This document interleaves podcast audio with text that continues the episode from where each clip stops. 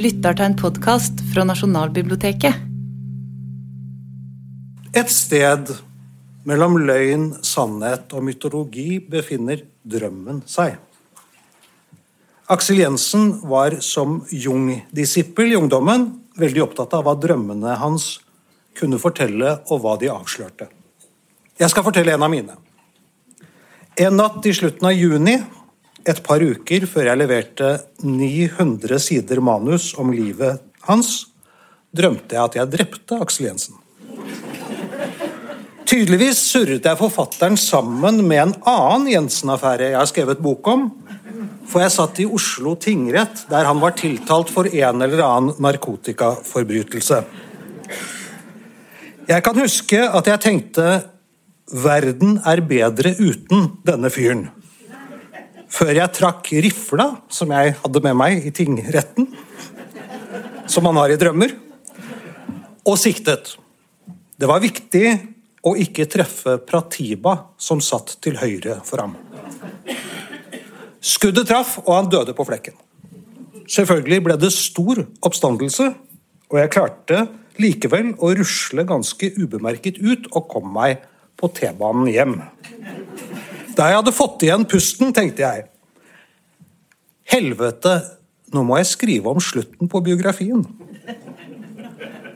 Og våknet kaldsvett, selvfølgelig.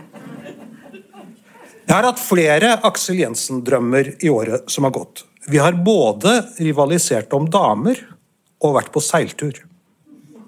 Jeg tror generelt at ingen har godt av å jobbe med lange og omfattende biografiprosjekter. Man blir litt sprø og enspora av det. Spesielt tror jeg det må være farlig å befinne seg i hodet til Aksel Jensen i litt for lange perioder av gangen. Der skjer det ganske mye rart. Aksel var en uforlignelig forteller og noe av en lystløgner. Som biograf må man altså ta høyde for at Aksel ljuger om livet sitt. Samtidig er intervjuer og lydopptak og radioopptak av ham og de to utmerkede, men ikke alltid like sannferdige intervjubøkene han satte sitt navn på i løpet av 1990-tallet, helt sentrale kilder til informasjon om livet hans. Andre øyenvitner sitter bare med fragmenter, fordi dette livet var så rikt på hendelser og sceneskifter og involverte så mange personer. Men samtidig er Aksels beretning altså såpeglatt materie. Så langt det går, må man prøve å lukte seg frem til når han ikke ljuger. Og kanskje, hvis vi klarer å nå frem dit, det viktigste hvorfor han ljuger. Selvsagt er det grader av dette. Vi må nesten begynne litt forsiktig, altså med overdrivelser. Alle bøkene til Aksel har f.eks. enten vært på 1000 sider, eller er ment å være 1000 sider, med et par unntak. Våren 1958, halvannet år før den kom ut, skulle Line bli en roman på 1000 sider inndelt etter de fire årstidene. To år etter skulle Mirakler, som aldri ble noe av, ha 1000 sider med en tilsvarende kvadratstruktur. Han har fortalt at de 120 sidene i Epp bygger på 1000 siders råmateriale, noe som er vilt usannsynlig. Mens den omtrent like tynne romanen Lull faktisk gjør det. Det er faktisk atskillig mer enn 1000 sider, selv om det er mange passasjer som er skrevet om igjen og om igjen. Bøker på under 1000 sider tar det sånn omtrent to-tre uker å skrive, forteller Aksel. Dette er en form for skryt som er veldig utbredt blant forfattere. Både Ikaros og Joakim skal ha blitt til på to-tre uker, og det er ikke vanskelig å finne dokumentasjon på at Aksel har jobbet steinhardt i månedsvis med disse to bøkene. En påstand som lagde krøll i kronologien for biografen You can do anything, but don't step on my kronologi. handler om det skrinlagte romanprosjektet som gikk forut for Epp. Det skulle være en sirkusdvergroman som Aksel holdt på med i London. Et sted forteller han at han kastet bort to år på dette blindsporet. Jeg fikk det overhodet ikke til å gå opp, men da hadde jeg heller ikke lært Aksel å kjenne heller. Når man ser det i helhet, demrer det etter hvert at det umulig kan ha vært mer enn to måneder. Litt høyere i usannhetshierarkiet finner man skrøner. Da Aksel som 25-åring lar seg intervjue av Aftenposten i oktober 1957 i forbindelse med Ikaros, sin gjennombruddsroman, forteller han f.eks. denne historien. Gjennom Sahara reiste jeg sammen med brennevinsmuglere som skulle til Nigeria. Da de skjønte at jeg hadde oppdaget hvilken virksomhet de drev, ville de utrydde meg, og jeg måtte forsvare meg med revolver i hånd. Jeg kom unna helskinnet. Altså, hvem av oss har aldri pyntet på en historie som i utgangspunktet er litt tam? Men dette går litt dypere enn som så. Fem uker før dette intervjuet har han holdt foredrag for bokhandlere og forlagsfolk i Oslo og erklært at det som står i boken, er sant. Han har bare endret personnavn og stokket litt i rekkefølgen på hendelsene.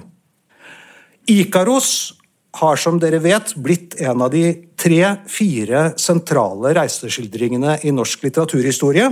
Som han kaller den selv, en reise i det ukjente og samtidig en reise innover i en selv. Som er helt presist beskrevet, egentlig. Hele forutsetningen for fortellingen Ikaros er at hovedpersonen, som da nødvendigvis må være Aksel Jensen selv, reiser alene til det innerste av Sahara. Det gjorde han ikke. Han reiste sammen med kameraten Per Skjoldborg, som riktignok forlot ham der nede etter 40 dagers reise. Men det finnes en dagbok som kartlegger opplevelsene deres. Om man skulle tro at en så dramatisk episode der Aksel måtte forsvare seg med revolver mot morderiske brennevinsmuglere, ville vært nevnt, om ikke annet, i forbifarten. Han har selvfølgelig diktet opp.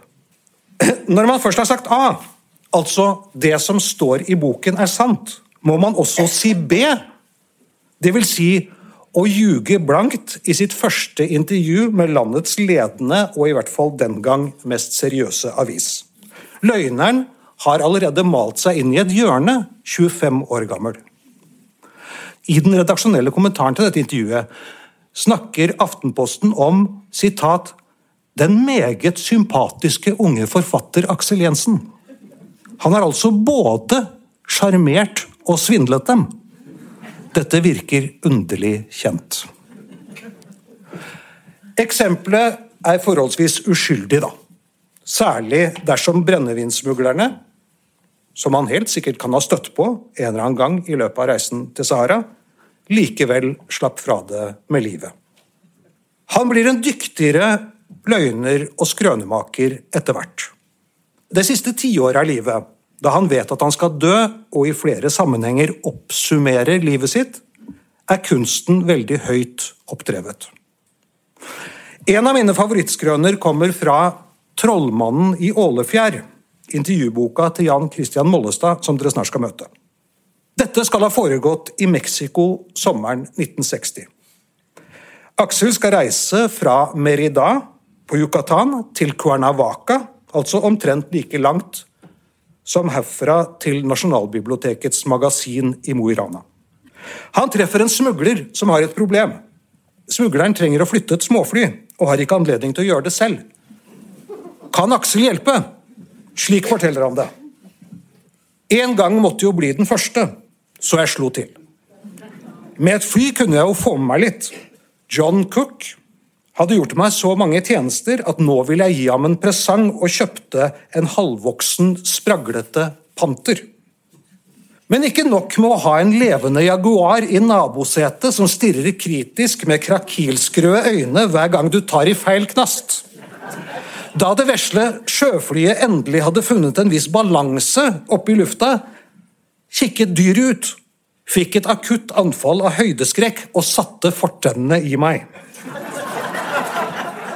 Nå hadde jeg dagen i forveien sikret meg en beroligende sprøyte til eget bruk fra Meridas avfeldige fylkeslege. Den stakk jeg i røveren med den ledige hånden. Han sank sammen i fanget på meg, akkurat i tide til å starte nedstigningen, for der kom millionbyen til syne.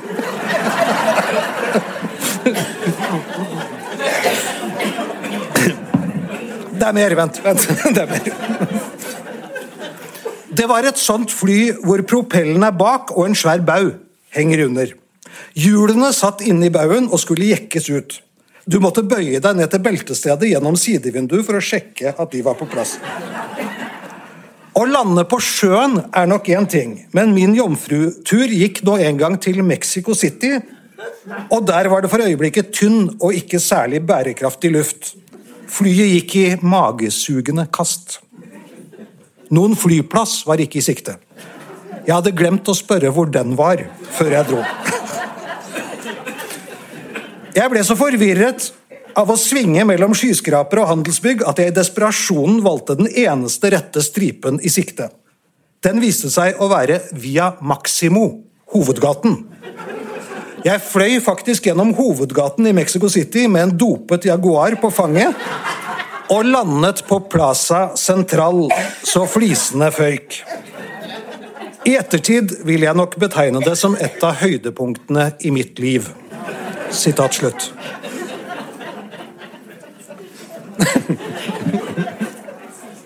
Det fins ikke noen Via Maximo i Mexico by. Byens viktigste og mest monumentale boulevard heter Paseo de la Reforma, som er det vi kaller en chaussé. Med bred midtrabatt, hvor hjemløse overnattet i enmannstelt og soveposer den gangen jeg var der. Ikke et opplagt sted å ta ned et fly. Nå er det selvfølgelig ikke lett å få lest gateskilt og sånt samtidig som man skal lande et småfly for første gang. Men i bykjernen fins det ikke noen Plaza Central heller. Det fins en kjøpesenterplass langt fra sentrum som heter Plaza Central. Google Maps er fremragende til å sjekke sånt.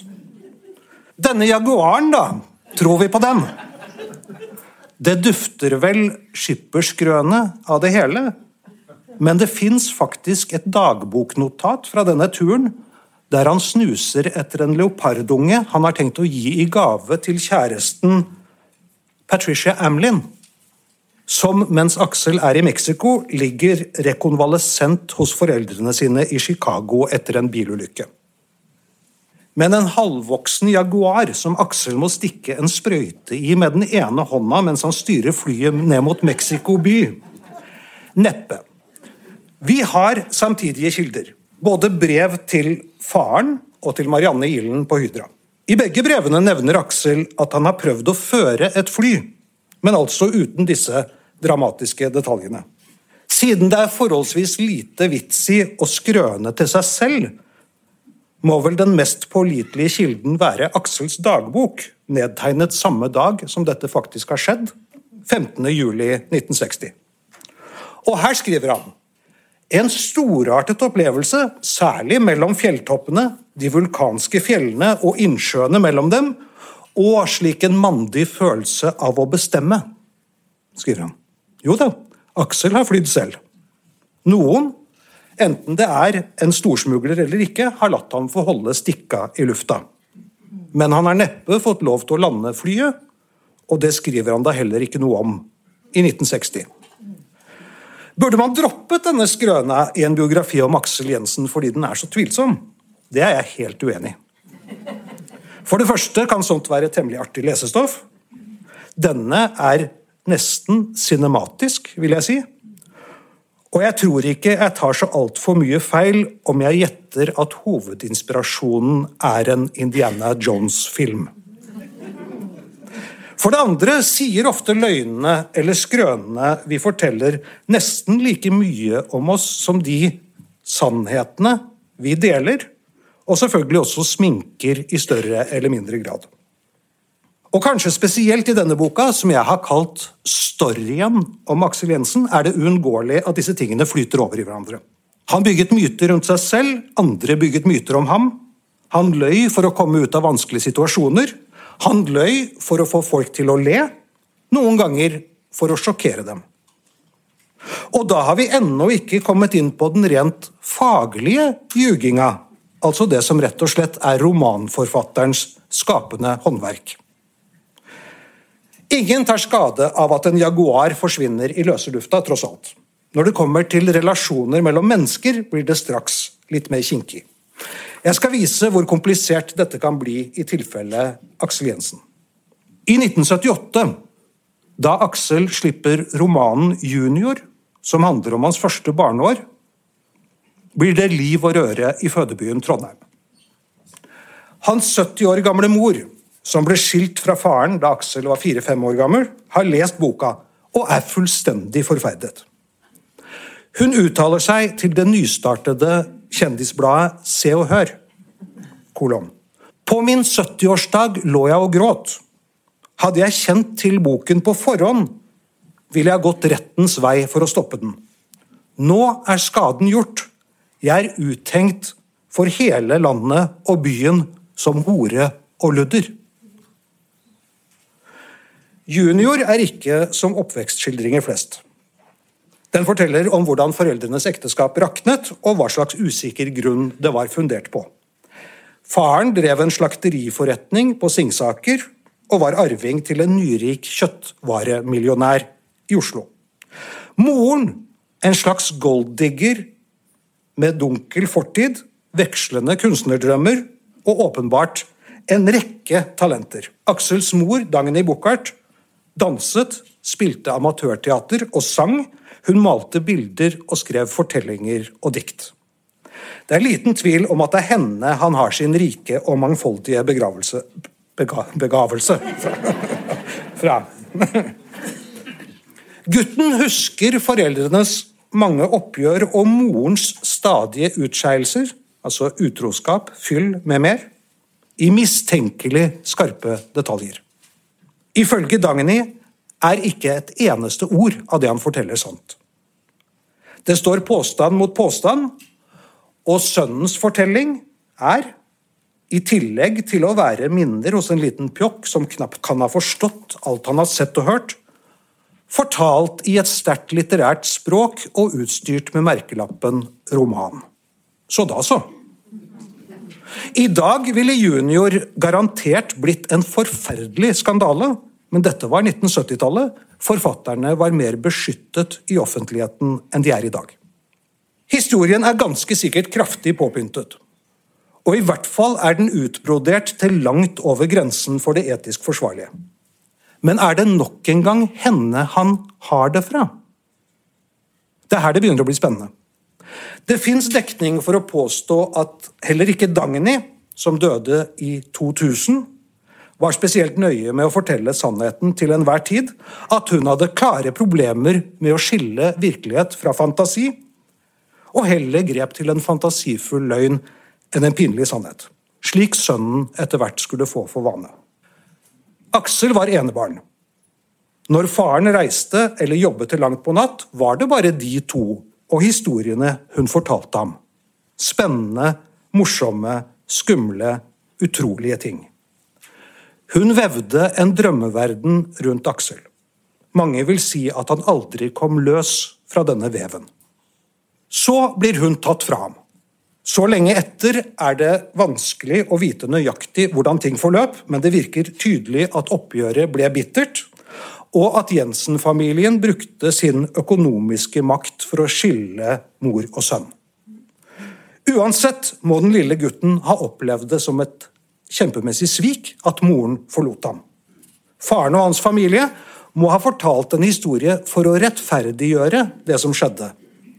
Var det på den måten junior begynte? Det er ingen levende å spørre. Det er heller ingen vitner igjen til møtene mellom Aksel Jensen som voksen og hans mor. Det siste fant trolig sted på 1970-tallet. Vi vet at både mor og sønn likte å ta et glass og fortelle skrøner. Var det noe sånt som foregikk? Kan det være mulig at historiene i Junior, som hun avfeier som diktning og tull, i virkeligheten stammer fra henne selv, og at hun ikke kjenner de menn når de kommer på trykk. Jeg skal passe meg for å bli for freudiansk her, det har jeg ikke fagbrev til, men jeg kan ikke forstå annet enn at nøkkelen til både Aksels forfatterskap og hans temmelig komplekse personlighet ligger i dette underlige og tydeligvis anspente mor-sønn-forholdet. Hør hvordan han skildrer henne i de engelske utkastene til Junior. A grog blossom gypsy goddess with an infernal itch between her rosy thighs. A lush nympho klepto hypochondric mythomaniac.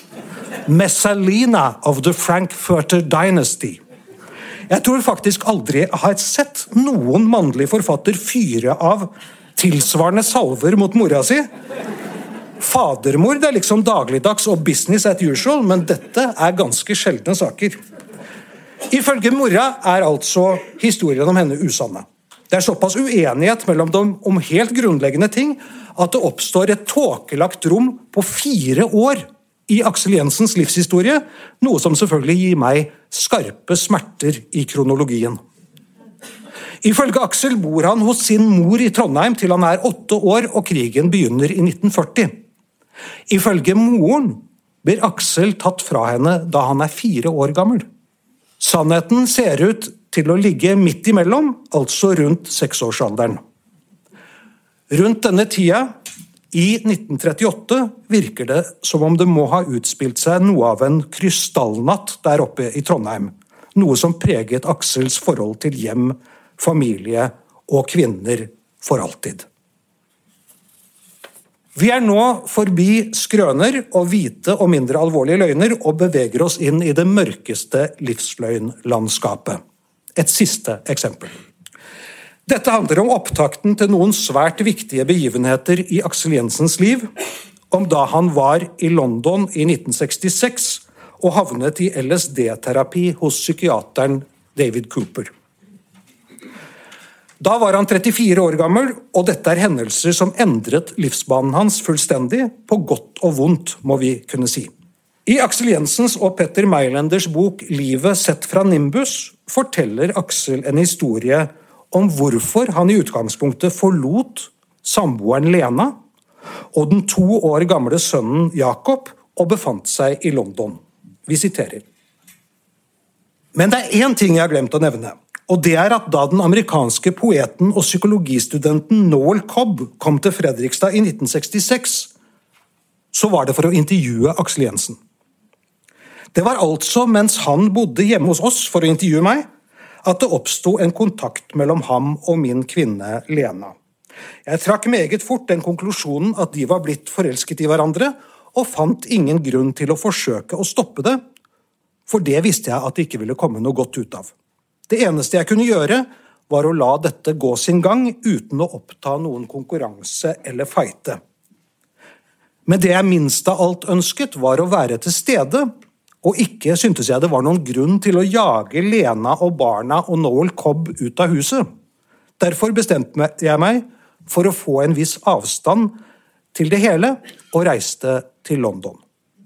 Dette forteller Aksel i 1995, 29 år etter hendelsene han beskriver. Her har vi gode kilder til å klarlegge hva som faktisk foregikk. Både intervjuet de gjorde, som sto på trykk i Profil nummer 1 1966, og Noel Cobbs egne erindringer, som er skrevet i dagbokform og foreløpig ikke utgitt. Dette Aksel forteller, kan ikke ha skjedd. Noel Cobb bodde ikke hos Aksel og Lena. Han reiste hjem til Oslo samme kveld. På toget fra Fredrikstad tegnet han det som trolig er den aller første syretegningen i noe norsk tidsskrift. Disse to gutta hadde nemlig drukket te med tryllesopp fra Mexico og speisa kraftig ut, i den grad at det som sto på trykk i profil, bare med et nødskrik kan kalles et intervju. Lena Folke Olsson lever dessuten fremdeles. Hun sier at den historien Aksel forteller, bare er tull. Det var ikke noe romantisk forhold mellom henne og Cobb. Så hvorfor forteller Aksel dette? Lena mener at det rett og slett dreier seg om prosjisering. høsten 1966, da paret hadde vært sammen i nærmere tre år, har han allerede brutt samboerkontrakten så mange ganger at sannheten ikke er til å leve med. Han vil gjerne dytte problemene over på Lena og på Noel, som uansett omstendighetene etter hvert blir en veldig nær venn. Løgnen er imidlertid fryktelig gjennomsiktig. Da Aksel reiser til London, er Noel Cobb også der. Han er nemlig utvist fra Norge, som dømt i Norges aller første marihuana-sak. Her fins det nøyaktig informasjon.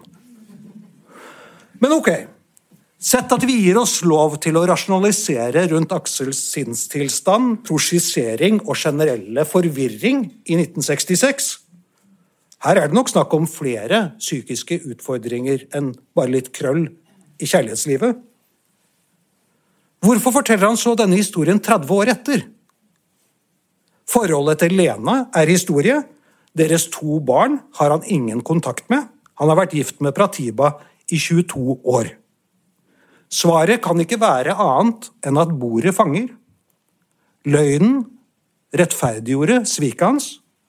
Så er løgnen fortalt, gjenfortalt, repetert, og til slutt har løgn og sannhet skiftet plass. Antagelig har vi alle en og annen løgnhistorie av denne typen i de livsberetningene vi forvalter, og som vi med jevne mellomrom forteller til andre. Det som gjør Aksel Jensen spesiell, er omfanget, hvor mange slike historier det er, på hvor mange ulike plan han ikke er sannferdig, fra det helt trivielle til det absolutt eksistensielle. Det er jo for all del veldig spennende å skrive fortellingen om en sånn fyr. Av og til får jeg følelsen av at Aksel har tittet seg over skulderen og visst at vi kom til å komme etter ham, biografene og litteraturhistorikerne. Han har gravd ned kortene sine. Ikke faen om vi skal få vite alt. Så det kan jeg si med en gang. Min bok om Aksel Jensen er ikke The Truth, The Whole Truth and Nothing But The Truth. Det er den storyen jeg greide å fortelle innenfor den strukturen jeg valgte, basert på det materialet jeg fikk tak i. Her fins det ting å ta tak i for flinkere detektiver i årene som kommer. Jeg tror nemlig at Aksel Jensen kommer til å bli stående. Selv er Aksel i hvert fall halve livet overbevist om at lesingens epoke er over at vi i fremtiden ikke kommer til å studere merkverdige kråketær på papir eller skjerm for å stille vår sult etter nye storyer. Hvert minutt dør en leser, sa Philip Roth, og han blir ikke erstattet. I så fall vil jeg spå at den enormt raffinerte og sterkt musikalske muntligheten som er kjennetegnet til Aksel Jensen, vil tåle overgangen bedre enn mange av de som vi regner som store navn i dag. Det er sabla godt Yugi. Tusen takk.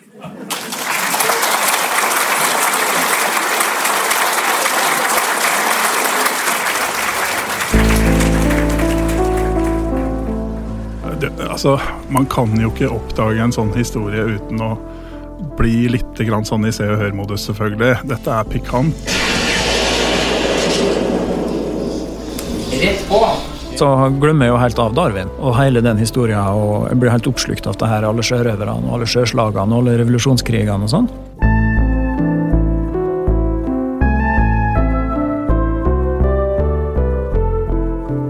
Samlingene til Nasjonalbiblioteket så finnes det spor etter et helt hav av dunkle drama og glemte liv fra Norges historie. I podkasten Gamle greier så skal jeg, Askild Matre Aasarød, fra det lille studioet midt i kjelleren under Nasjonalbiblioteket i Oslo, nøste opp de her mysteriene. Han har nok lie bakom i gran her en eller annen plass. Og skauta to av tyskerne. Og den tredje la på sprang inn i Jeg skal snakke med historikere og eksperter, Det er en voldsom kjærlighetshistorie, rett og slett. men også når det finnes folkene som faktisk var til stede under de her spektakulære, men ofte glemte hendelsene. Nei, nei det, det, det, her, det her er ikke Jeg prøver ikke å selge noe. Jeg, jeg, jeg har kommet over et hørespill, skjønner du. Følg med i podkaststrømmen din, så kommer det mer.